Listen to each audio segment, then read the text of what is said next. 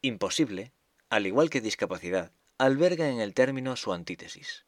Al decir imposible, decimos a la vez posible. Al decir discapacidad, decimos a la vez capacidad. ¿Es entonces posible o imposible enseñar desde la diversidad en España? ¿Cuáles son sus retos? ¿Y cuáles sus riquezas?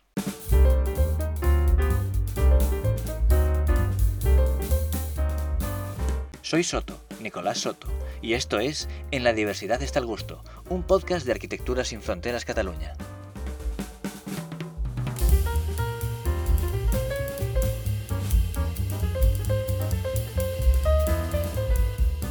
En Euskadi ya hace tiempo que se habla de inclusividad. De hecho, las leyes educativas que ha impulsado el gobierno vasco en los últimos años han hecho que se deje de atender de forma individual al alumnado con diversidad funcional y a que éste se integre con el resto de compañeros y compañeras en el aula. Hoy conversamos con dos docentes del colegio La Salle Bilbao, especializadas en la inclusión del alumnado de infantil y primaria. Ellas son Jessica Cid Martín, profesora del aula de apoyo, e Isabel Ortiz González, orientadora de infantil y tutora de diversificación curricular.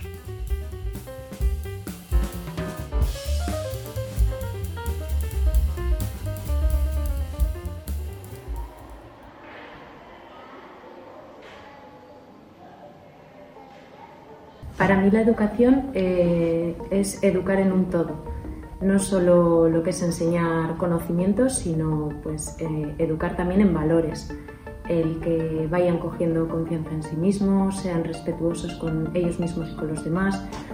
Y, además eh, es darles estrategias que también les ayuden a desenvolverse en la vida. Como dice una frase que tenemos en el cole, eh, educar la mente sin educar el corazón no es eh, educar en absoluto. Para mí la educación es la oportunidad de transformar este mundo y hacerlo un poquito mejor con el acompañamiento de niños y de jóvenes en este proceso de hacerse mayores, de desarrollo personal de manera global, para que cuando sean adultos del mañana, pues eh, todo eso que han recogido cuando pasan por nuestras manos, pues dé fruto. Para mí la educación inclusiva eh, es una educación que favorezca la participación y el éxito de todo el alumnado, adaptando los aprendizajes a las necesidades concretas de cada uno y atendiendo a la diversidad. Yo entiendo la educación inclusiva como una manera en la que todos aprendemos con todos y de todos, como una riqueza y una especie de entrenamiento o de de de lo que es el mundo el mundo es un mundo diverso, rico, abierto, amplio y la educación inclusiva pues contempla el poder eh, aprender con otros que son distintos a mí, a todos los niveles. Mi trabajo consiste, eh, por un lado, fundamentalmente en lo que es el acompañamiento. Por un lado, el acompañamiento a nuestro alumnado de necesidades educativas especiales en su proceso de aprendizaje y en su desarrollo personal. También consiste en acompañar al profesorado y a las familias, en hacer un trabajo en coordinación y en ir todos un poco en la misma línea. También hacemos un trabajo con los compañeros y compañeras de aula. Intentamos darles estrategias y recursos que les ayuden a, poder incluirles y a que estos se integren en, el grupo ¿no? y pues, con todas las actividades que se hacen en el aula. También es importante eh, el hecho de organizar y programar, además de adaptar todo su currículum y todas las actividades, pues eso, para que puedan estar integrados. Y luego, por otra parte, también hay una parte de, un trabajo personal, de cercanía, de cariño, de, confianza con ellos, eh, ese vínculo ¿no? que va, surgiendo y, y, que ellos tanto necesitan, porque no solo tienen necesidades en lo que es los aprendizajes, sino que pues, emocionalmente también necesitan mucho acompañamiento. Mi trabajo como, orientadora, eh, en una parte, eh, pues consiste en hacer de Pepito Orillo, en recordar eh, desde otra mirada o desde otro punto de vista, contemplar las necesidades y las características específicas de cada niño y en ese sentido, pues acompañar al profesorado a que se den cuenta y tengan esa, esa, otra mirada complementaria, que a veces igual el día a día y el aula pues se nos hace un poco difícil. Y como profesora, cuando estoy en aula, eh, mi trabajo es ese escuchar, Eh, enseñar también y los contenidos del currículum, por supuesto, pero ese comprender, eh, acompañar, estar de manera incondicional, haciéndoles sentir acogidos, incluidos, que a veces eh, no se mide curricularmente, pero es súper importante para que el niño y el joven vaya desarrollándose de manera equilibrada. Yo creo que todas las profesiones tienen algún aspecto un poco, pues que se hace un poquito más difícil. Yo veo que la labor educativa, si lo haces desde la vocación, tiene como una pequeña mochila, que es que la jornada no acaba con cuando da la hora, ¿no? Con la jornada laboral, sino que pues muchas veces llevamos a casa no hablo solo de trabajo, de hay que escribir un email o hacer una corrección o tengo que prepararme para mañana un informe, una clase, sino también las preocupaciones y un poquito las cosas que les pasan a los niños y a sus familias. Eso sería la parte más dura, que a veces se me hace complicado desprenderme de esa parte afectiva o emocional, de ese vínculo eh, estrecho y, que me afecte ¿no? y que me absorba un poco el tiempo, dedicarme en pensamiento y, y alma a ello. Y la parte más gratificante, pues es que trabajo con personas y eso es muy enriquecedor. Los niños y los adolescentes, pues son personas, mm, pequeña, pequeñitos, vamos, pero son personas y a mí me enriquece muchísimo estar al lado de, ellos y aprendo un montón de cosas. Yo creo que recibo y enseño, ¿vale? Pero creo que recibo y eso me enriquece a, a mi desarrollo personal también y eso es realmente de agradecer y gratificante. Sí, un poco en la línea de lo que comenta Isa, sí que es verdad que la labor educativa pues hay veces que es cansada, ¿no? Es difícil pues desconectar y, si además eres una persona pues exigente con lo que haces, pues muchas veces eh, eso necesitas invertir mucho más tiempo, muchas más horas, a veces eso agota, desgasta, pero creo que unido a eso, al ser un trabajo totalmente vocacional, toda la parte del vínculo afectivo con nuestros niños y niñas, como es en mi caso con el alumnado de necesidades educativas especiales, creo que la relación que, se forma con ellos es muy especial. Hay un vínculo muy, muy bonito de cariño, de confianza, que yo creo que en sí es lo más gratificante. Eh, como les suelo decir a ellos, yo les quiero como si fueran mis hijos y hijas. Y, la verdad que el ir viendo esos avances que hacen y esos eh, aprendizajes, a veces pues poco a poco, ¿no? A su ritmo, pero ver que van aprendiendo, pues también es muy gratificante. Y yo creo que en resumen puedo decir que, pues que soy feliz con el trabajo que hago.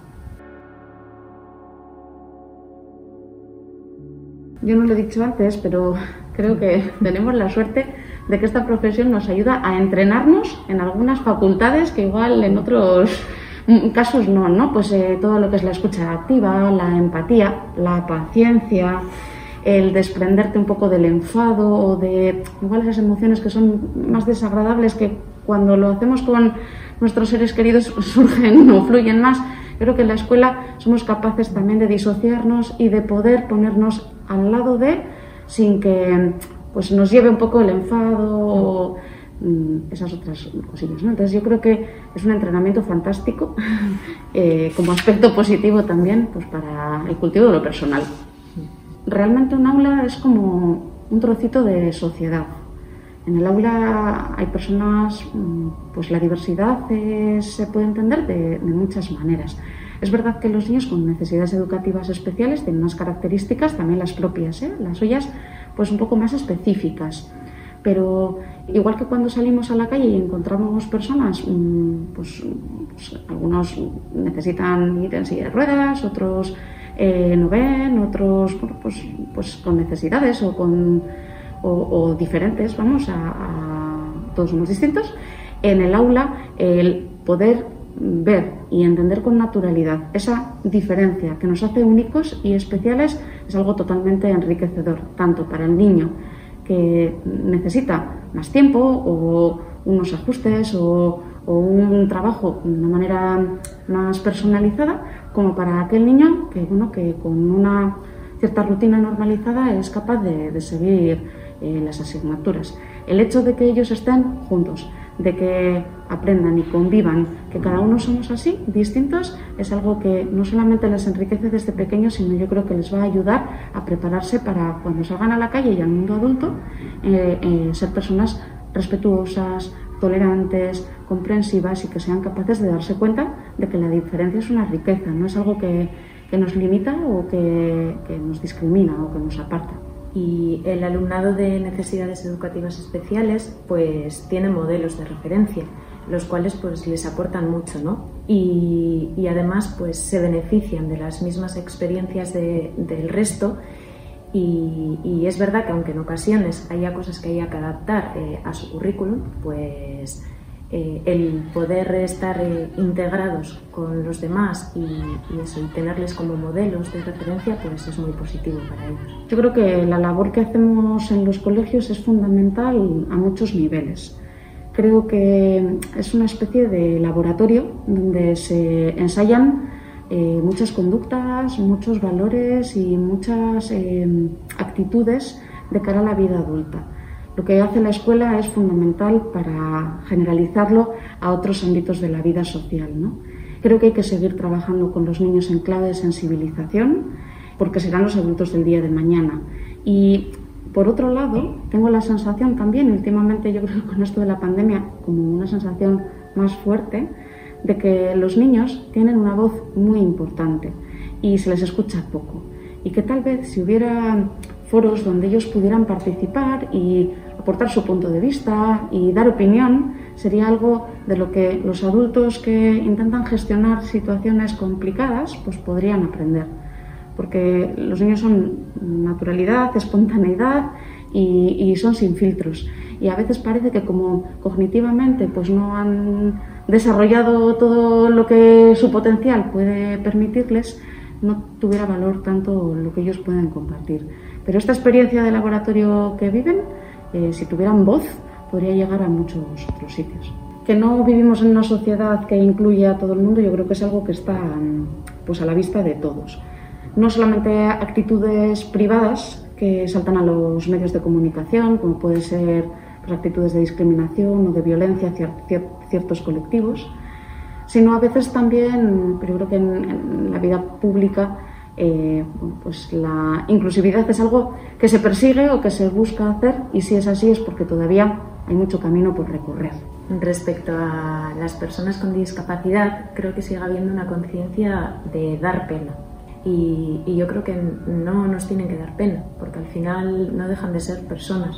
Todos somos iguales, siempre decimos lo mismo y cada uno pues tenemos nuestras potencialidades y nuestras deficiencias pero, pero todos somos personas. Estando el acceso al mundo laboral, también a la vida social, pues más adaptado, tendrían mayor cabida las personas con, con, discapacidad y yo creo que se entendería todo también de una manera más normalizada. Hay instituciones que, que luchan por ello y hay asociaciones que hacen que esto sea una realidad, pero todavía hay camino por recorrer para evitar esas actitudes igual de qué pena me da o que son personas como nosotros, cada uno con nuestras características y seguro que nos lo tenemos más fácil que otros en algunos aspectos, pero bueno, es una cuestión de, de seguir caminando en este sentido a nivel institucional y a nivel de sociedad. De hecho, mm, yo creo que una de las labor que hacemos nosotros y nosotras en el centro con, con estos niños y niñas, ¿no? que nosotros podemos eh, acompañar aquí con discapacidad, es eso, el que no es pobrecito, porque muchas veces el comentario ¿no? que no sale, ay, pobre, y no, no al final, eh, más que pobre, yo a veces respondo, ¿no? Si igual es más feliz que tú y que yo, y eso es así. Entonces, pues sobre todo eso, concienciar ¿no? en, uh -huh. en que son personas. Y luego es bonito cuando hacen un itinerario desde pequeños hasta pues lo que el recorrido escolar normalizado en nuestro centro les permite, el poder también orientar hacia un camino o un itinerario posterior. ¿no? Cuando llegan a la etapa de secundaria, eh, niños con una discapacidad intelectual, por ejemplo, que no pueden concluir y obtener el título de secundaria, pues poder participar en ese acompañamiento a los chavales y a sus familias de cuál será o puede ser ¿no? el mejor espacio en el que seguir formándose, con la idea de lograr una autonomía personal y una incorporación lo más normalizada a, a la vida a la vida adulta, ¿no? Pues es también, yo creo que algo que, de lo que disfrutamos y luego cuando nos enteramos de qué están haciendo, de a dónde han llegado, de sus experiencias laborales, pues es, eh, pues es muy gratificante. Sobre todo eso, cuando vienen a visitarte ya, cuando llevan un tiempo fuera del cole y ves eso, ¿no? Los avances que, que han hecho y, pues todo lo que han aprendido y, y en lo que se han convertido, pues es muy bonito. Hace 10 años cuando empecé a trabajar aquí, primero empecé como tutora y yo la experiencia que tuve personal es que pues, el alumnado que tenía con necesidades educativas especiales, eh, sobre todo trabajaba con, pues, la PT en esas horas de apoyo, pues la gran parte del tiempo fuera de, de aula. Eso, por ejemplo, ha dado un gran cambio. Ahora es todo el tiempo dentro de aula con el resto de compañeros. Se intenta en la medida de lo posible adaptar todo a, sus necesidades para que puedan estar integrados en el grupo y, en el aula con pues, las actividades y las propuestas que se hacen como con los demás. Y aunque es verdad que hay veces que es difícil, ¿no? Y en cierta manera, pues hay cositas que necesitan trabajar de otra manera, igual de una manera más individualizada, pero también contamos con las peceras, que son unas aulas que están dentro de su mismo aula de clase, las que te dan esa oportunidad ¿no? de trabajar de esa manera más individual, pero mm, sin sacarles de, lo que es su grupo. Yo respecto a esto también veo que ha habido un itinerario no solamente en nosotros, ¿no? en, en la respuesta que hemos ido dando desde el centro, sino que el gobierno, por ejemplo, aquí en Euskadi, el gobierno vasco lleva mucho tiempo hablando de inclusividad y en sus leyes educativas ha sido pues un estandarte también, ¿no? El pasar de esa conciencia que decía Jessica de trabajar fuera del aula con el niño a que el niño esté en su espacio natural, que es donde está con los demás, donde los demás y todos hacen el aprendizaje, y que sea el adulto, el guía, el, el educador, el que entra ahí. Y en este sentido también yo creo que venimos de aquí, ¿no? Yo creo que los avances que se han dado, no sabría decir en qué otros países se están dando avances significativos, pero sí que venimos de las aulas, perdón, de los centros específicos, ¿no? De educación especial que igual había hace años, ahora eh, tener esta mirada donde los centros de educación especial siguen estando, pero eh, la apuesta es por eh, una educación en, común con, con todos, en inclusividad. Sí, además unidas un poco, como decíamos antes, también se hace un gran trabajo en, educar a, los compañeros y compañeras de, aula y yo creo que eso también es muy importante pues para que aunque el adulto seamos los que entramos dentro de ese aula a acompañarles también no ese trabajo que se hace con el resto de, niños y niñas para que pues eso puedan participar y sepan también ellos pues cómo, cómo acompañarles que no seamos únicamente los adultos los que hagamos de guía sino que sus propios compañeros también sean modelos para ellos. Yo creo que el aula inclusiva es el que tiene que hacer sentir acogido a cualquier alumno, cualquier alumna, eh, independientemente de si es un alumno con necesidades educativas especiales, si ha venido de otro país, si eh, habla otro idioma, si es de otro color, si tiene un año más o es de la misma edad, ¿no? Tiene que hacer sentir acogidos. A mí me gusta mucho el lema que tenemos este año, que transmite eh, eso. Yo lo hago presente muchas veces, ¿no? estamos en casa porque aquí nos sentimos bien. Pues eso es lo primero que tiene que hmm. desprender. Luego la parte de cómo trabajar con ellos, con los, no, de adulto a niño, ¿eh? sino con los niños para que todos sean acogedores con el resto, igual es la parte un poco más complicada. Una aula inclusiva es la que permite que, que no haya eh, dificultades de acceso al aula, por ejemplo, ¿no? Pues cuando eh, tenemos un niño que tiene que acceder con silla de ruedas, pues que él pueda acceder como todos los demás, que no tenga una puerta especial para llegar al mismo sitio, por ejemplo, que sea un aula que esté preparada para atender a niños con, con una disfunción auditiva, por ejemplo, o, que, o visual. Tiene que ser un aula multidisciplinar. Ahora ya sabemos, nos va quedando claro cada vez más que no aprendemos como, como antes, igual eh, se enseñaban, ¿no? Con la clase magistral y escuchando y apuntando. Hay multitud de formas de aprender. Los hay que aprenden mejor por la vía auditiva, los hay que aprenden mejor eh, por la vía visual, los hay que necesitan eh, un input multisensorial. Entonces es una aula que tenga posibilidad y permita que se pueda trabajar con, ¿cómo decir?, con flexibilidad o con movilidad para que a todo el alumnado, con sus características y su manera de aprender, eh, le llegue la información y le haga sentir en casa. Yo creo que tiene que ser un aula que no haga sentir a nadie diferente. Adaptar todo de tal manera, ya no solo lo que es el espacio, sino eh, todos los aprendizajes, contenidos, todo lo que se hace dentro de ese aula, a que todos puedan acceder a él por igual.